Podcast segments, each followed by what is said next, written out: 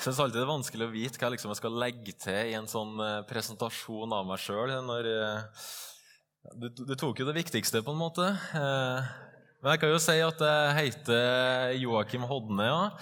Jeg er en eh, stolt eh, trønder, stolt bondesønn og eh, stolt eh, ektemann. kona mi, Marte, sitter her. ja, har bodd de siste årene på Stovner i Oslo. Det er kanskje den beste bydelen i Oslo, hvis dere ikke visste det. ja. det var det. Jeg ber litt til før jeg fortsetter. Gode Gud, takk for at du er her i dette fellesskapet. Takk for at eh, vi får være din menighet her i Oslo. Takk for at vi kan få samles og styrkes av hverandre og av ditt ord. Må du være med oss alle nå, og må du tale til oss. Amen. Jeg vet ikke med, med dere, men jeg har satt veldig pris på denne taleserien fra Kolosserbrevet som vi har eh, hatt, og som vi nå er siste, siste bolk i kveld. Taleserien 'Jesus pluss ingenting er lik alt'.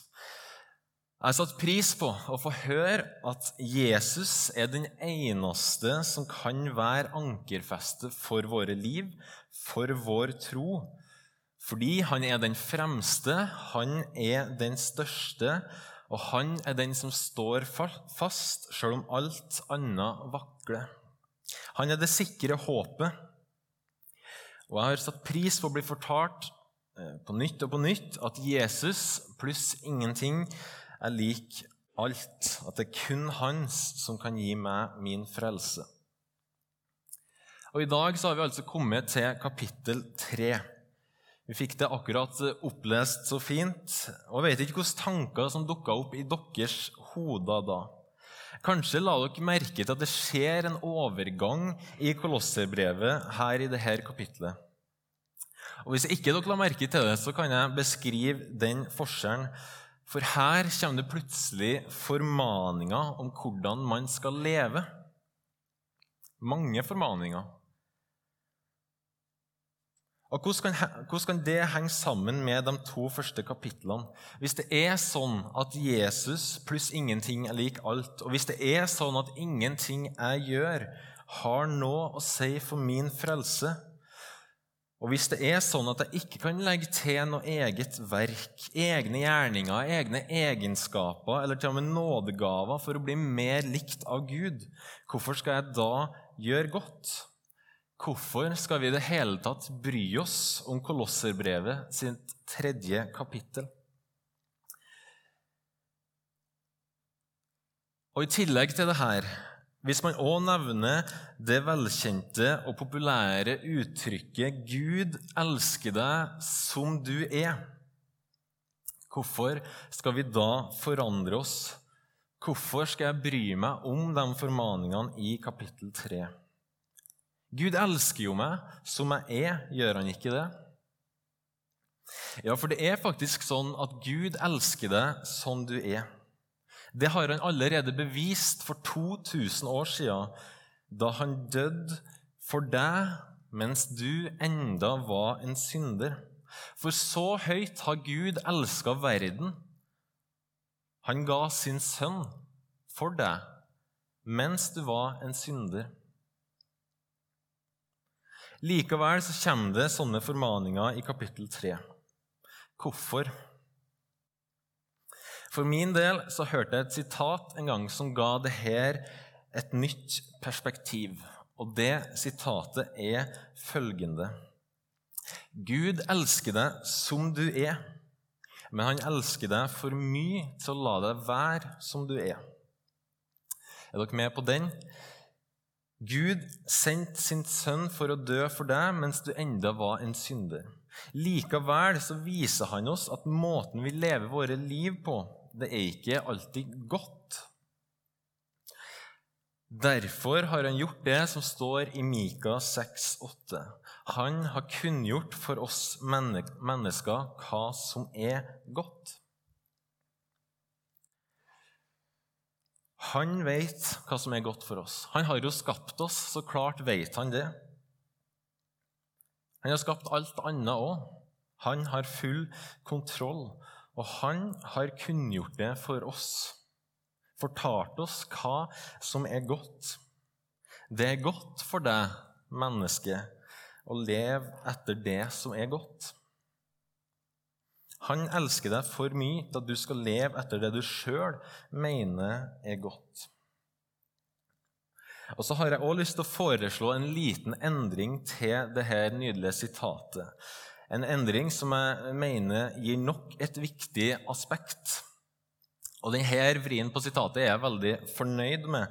Så hvis jeg skal skrive en bok en gang, så skal det handle om det her. Nei da. Jo da, litt godt nå i hvert fall.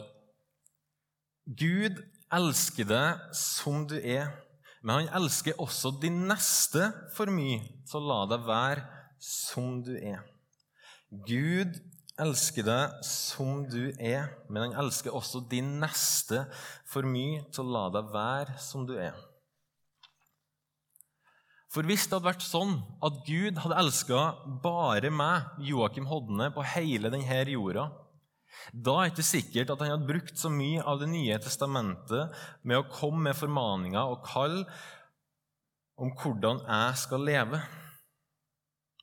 Hvis han hadde elska bare meg, da kan det vel tenkes at han hadde latt meg leve sånn som jeg sjøl ville.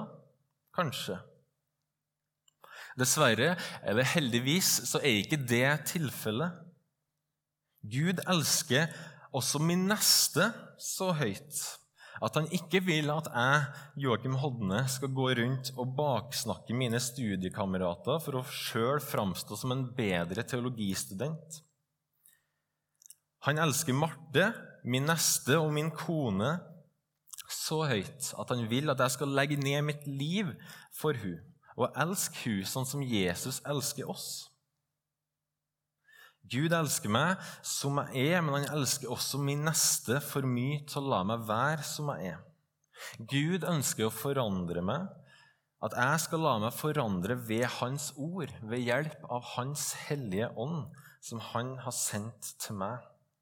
Og Derfor så veileder Gud oss via Paulus sitt brev til kolosserne om hvordan vi skal leve, fordi våre neste trenger det. Og akkurat det er viktig å presisere når vi nå skal gå inn i Kolosserne 3. For hvem er det egentlig som trenger at vi gjør godt? Hvem er det som trenger våre gode gjerninger? Martin Luther han har sagt det svært treffende. Gud trenger ikke våre gode gjerninger, men vår neste trenger det. I vår relasjon til Gud så kan ikke vi legge til noen Egne gjerninger, prestasjoner eller noe som helst. Det Jesus har gjort, det må få stå alene i vår relasjon til Gud. For det er det eneste som kan gi oss fred med Han. En fred Han allerede har gitt oss. Der må Jesus pluss ingenting er lik alt få stå uberørt.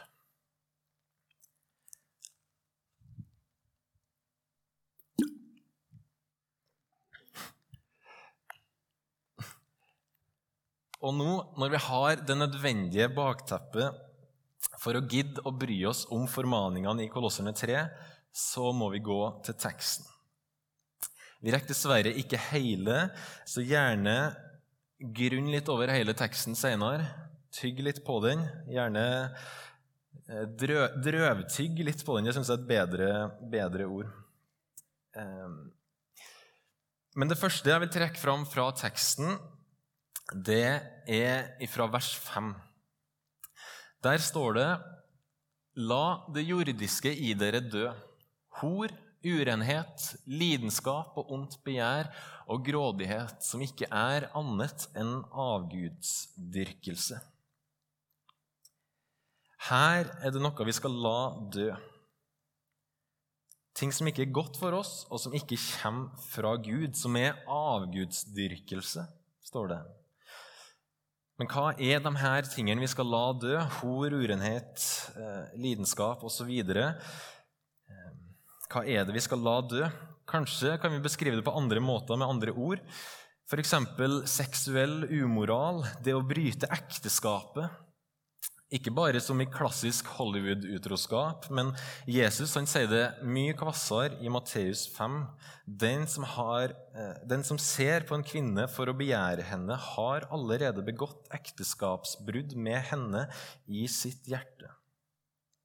Og All annen form for moralsk urenhet står her, og det samme med ondt begjær, som er sterke lyster, egoisme og en jeg, meg og mitt-sentrert livsstil. Grådighet er også nevnt, pengekjærlighet, havesyke. Mye vil ha mer, materialisme. Det skal vi altså la dø. Vi skal la det dø. Og det er en sjelden oppfordring man får. Ofte når jeg skal være eh, alene hjemme noen dager, så eh, får jeg høre fra Marte at jeg ikke må la plantene våre dø. Det er et motsatt og kanskje mer vanlig oppdrag enn det vi får her. Ikke la det dø. Og Jeg er ingen ekspert på planter, det må jeg nok innrømme, eh, men jeg vet at for å unngå at de ikke skal dø, så trenger de i hvert fall noen ting. De trenger gode vekstvilkår, de trenger sollys og, og, og, luft, og de trenger næring og vann. Det vet jeg. Men det jeg etter hvert har innsett, at det er ikke alle plantene som skal ha like mye vann eller like mye sol. Og det er det som gjør oppdraget 'ikke la plantene dø' vanskelig for min del. Men i denne teksten så er det altså et annet oppdrag. La det her dø. Da må vi altså gjøre det motsatte som vi gjør med plantene.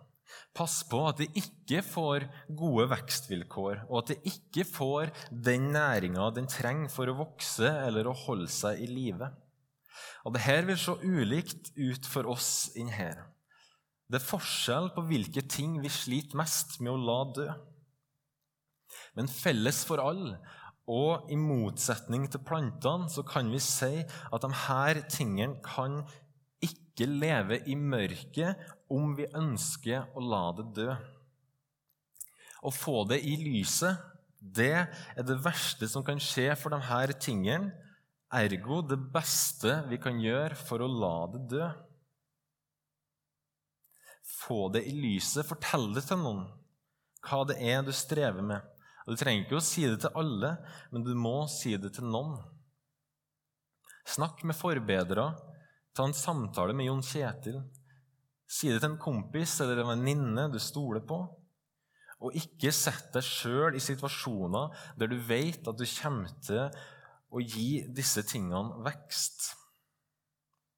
Gi det du sliter med, dårlige vekstvilkår. Gi det lys, men ikke næring. Og Paulus fortsetter, og i vers 8-9 så sier han at vi skal legge noe av alt det her. Sinne, hissighet, ondskap, spott og rått snakk. Og lyv ikke for hverandre. Legg det av dere. Ikke bær rundt på det lenger. Ikke la det være en del av hvordan du møter din neste. Be Gud om hjelp til å legge det av. Og hvorfor skal vi gjøre det her?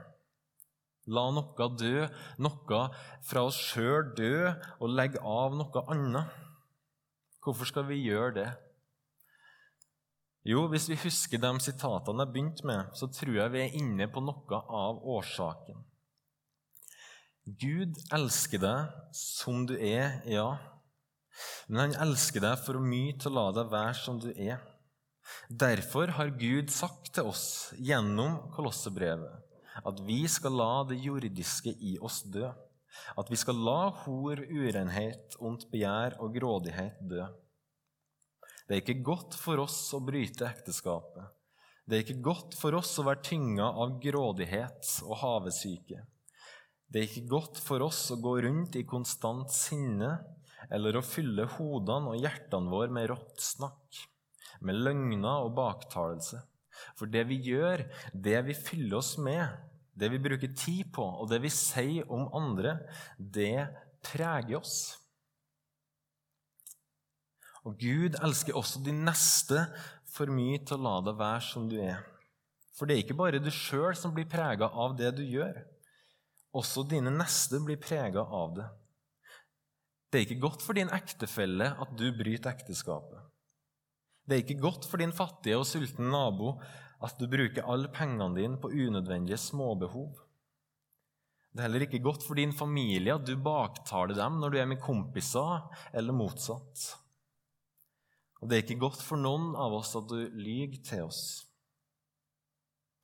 Gud elsker også dine neste og ønsker at dem skal bli møtt på en god måte. Derfor er det vits å bry seg om Kolosserne 3.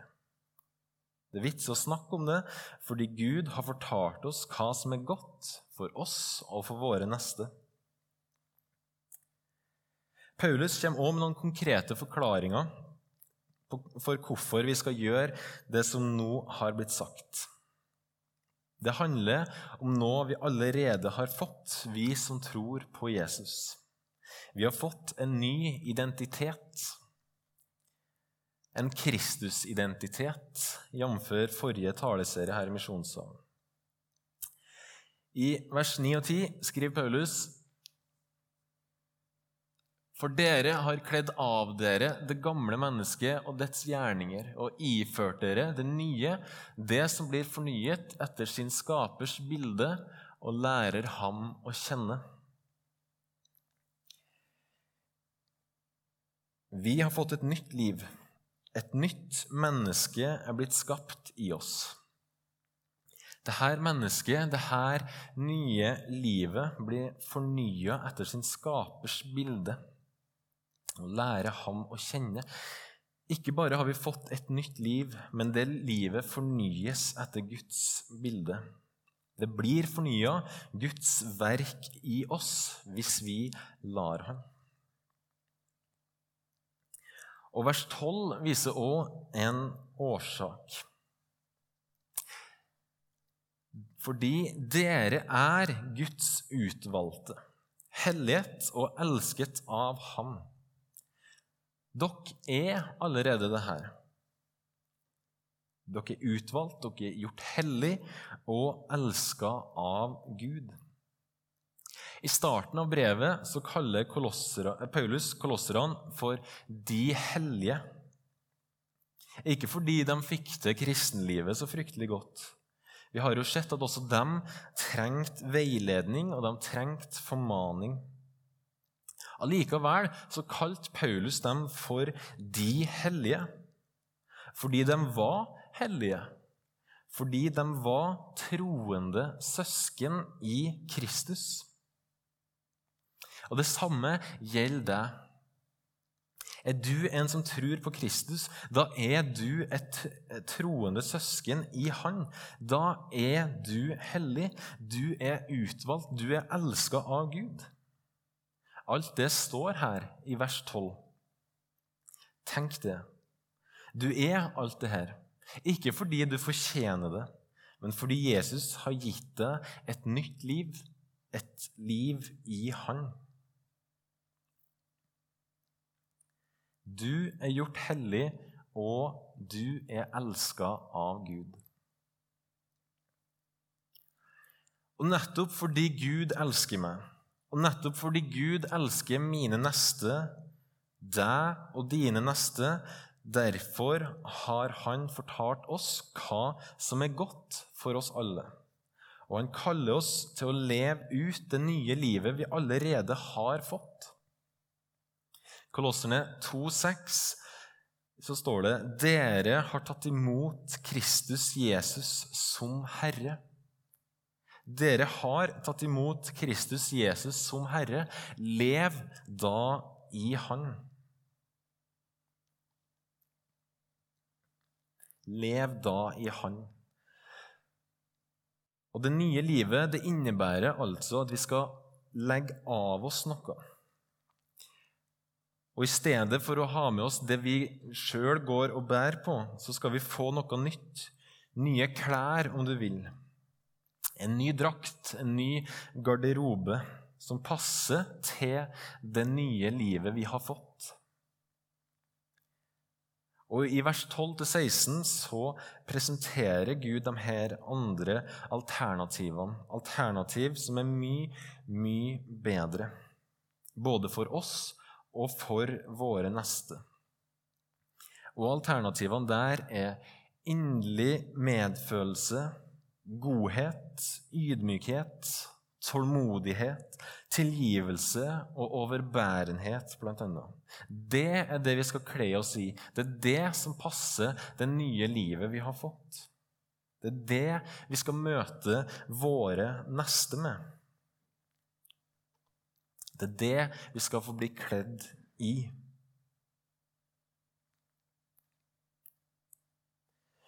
Og ingenting av det Paulus har sagt her, de versene vi har sett på, det er ikke særlig lett å få til. Og Derfor er det eh, fint å bli minnet på at vi skal slippe å stå alene i denne kampen. Men det er en kamp. Og I vers 16 så blir vi minnet om at det her må vi hjelpe hverandre med. La Kristi ord få rikelig rom hos dere. Undervis og rettled hverandre med all visdom. Syng salmer, viser og åndelige sanger til Gud av et takknemlig hjerte. Hjelp hverandre. Det er nemlig ikke alltid så lett å se på egen hånd hva det er jeg trenger å legge av meg, hva jeg har med meg i hverdagen som er helt unødvendig, og som verken jeg eller min neste har bruk for. Og Det er ikke alltid så lett å se hva i mitt liv jeg må la dø. Vi har våre blindsoner, ting vi ikke alltid ser. Hjelp hverandre med å se det.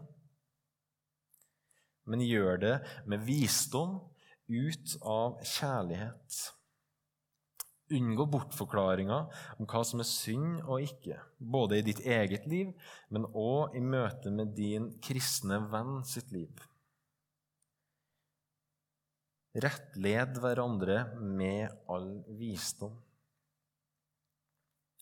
Og ved å la Kristi ord få rikelig med rom hos, oss, ved å lovsynge sammen, ved å peke på Jesus for hverandre, så vil det føre til at vi styrker hverandre. Det trenger vi. Og det er derfor vi må prioritere gudstjenestefellesskapet, husfellesskapet, bibelgruppa fordi vi trenger det. Kristenlivet leves ikke alene.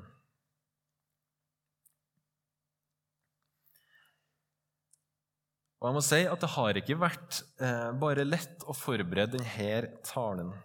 Og Hovedgrunnen til det er nok at dette er en tung tekst å lese en tung tekst å høre noe om på mange måter. Fordi den minner meg om alt jeg ikke får til om alt jeg ikke klarer å la dø, og om alt jeg ikke klarer å legge av meg. Likevel så er jeg veldig takknemlig for at jeg har fått si noe om Kolossebrevets tredje kapittel nettopp under tittelen 'Jesus pluss ingenting er lik alt'. For det er nettopp i en sånn kontekst, en sånn kontekst som taleseriens tittel gir, at vi kan og at vi må snakke om det som Paulus skriver i dette kapittelet. Det er i en sånn kontekst hvor vi har brukt fire lørdager på å si Jesus han er det sanne håpet, han som står fast når du vakler.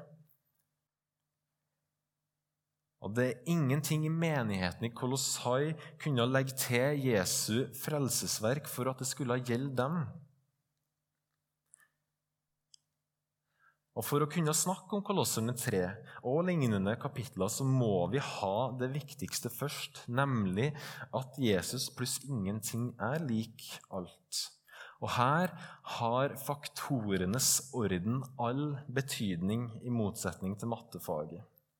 Vår innsats i å gjøre godt og med å være gode personer det har ingenting å si for vår frelse om vi ikke har Jesus. Men har vi Han, da har vi også alt. Derfor gir det mening, det Paulus skriver i kapittelets sine tre første vers, som blir de siste vi skal se på. Er dere da reist opp med Kristus, så søk det som er der oppe, hvor Kristus sitter ved Guds høyre hånd. La sinnet være vendt mot det som er der oppe, ikke mot det som er på jorden. Dere er jo døde, og deres liv er skjult med Kristus i Gud. Det gir veldig mening å søke det som er der oppe, når det som er der oppe, er Jesus sjøl. Han som gir oss alt. Han som ikke trenger noe tillegg fra noen av oss, men han er nok. Han som er det eneste sikre håpet, det som står fast. Våre prestasjoner i det å la noe dø eller å legge noe av oss, det er ikke det som frelser oss, for det vil vi aldri klare.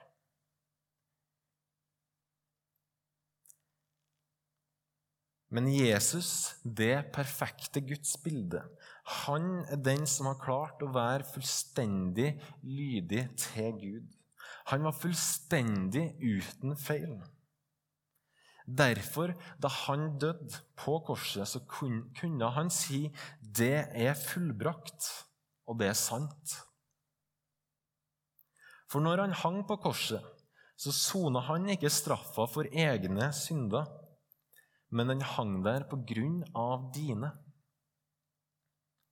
Han hang der nettopp på grunn av ditt begjær, din egoistiske livsstil på grunn av din grådighet.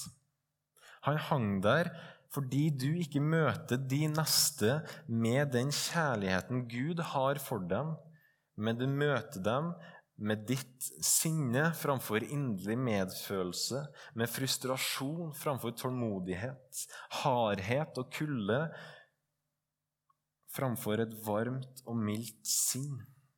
Derfor hang Jesus på korset. Og alt det som du strever med å la dø, det du strever med å legge av deg, det hang der på han. Så når han sa 'det er fullbrakt', så var også dine synder regna med. Jesus gjorde opp din sak med Gud, sånn at du nå har fred med Gud. Nå er du hellig framfor Han. Du er ren framfor Han. Og Når Gud ser på deg, så ser han deg gjennom Jesus.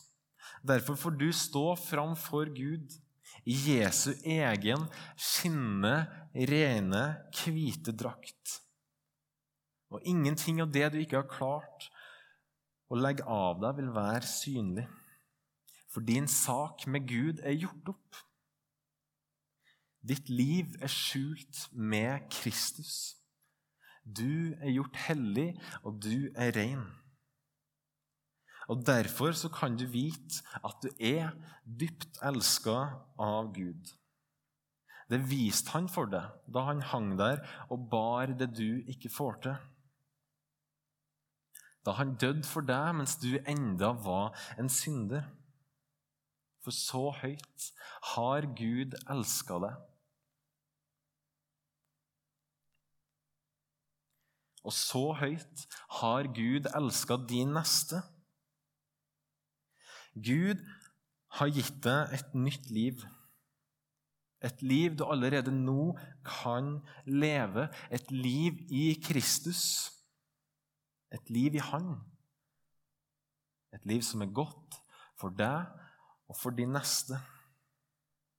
Som er til Guds ære. Jeg takker deg, Herre, for at våre liv er skjult i deg, og at i deg så har vi alt. Takk for at du har gjort oss hellige og reine og gitt oss et nytt liv. Hjelp oss med å leve ut det nye livet sånn som du vil vi skal. Hjelp oss å ta imot din kjærlighet, den du har vist for oss. Og hjelp oss å elske våre neste slik du òg elsker våre neste. Amen.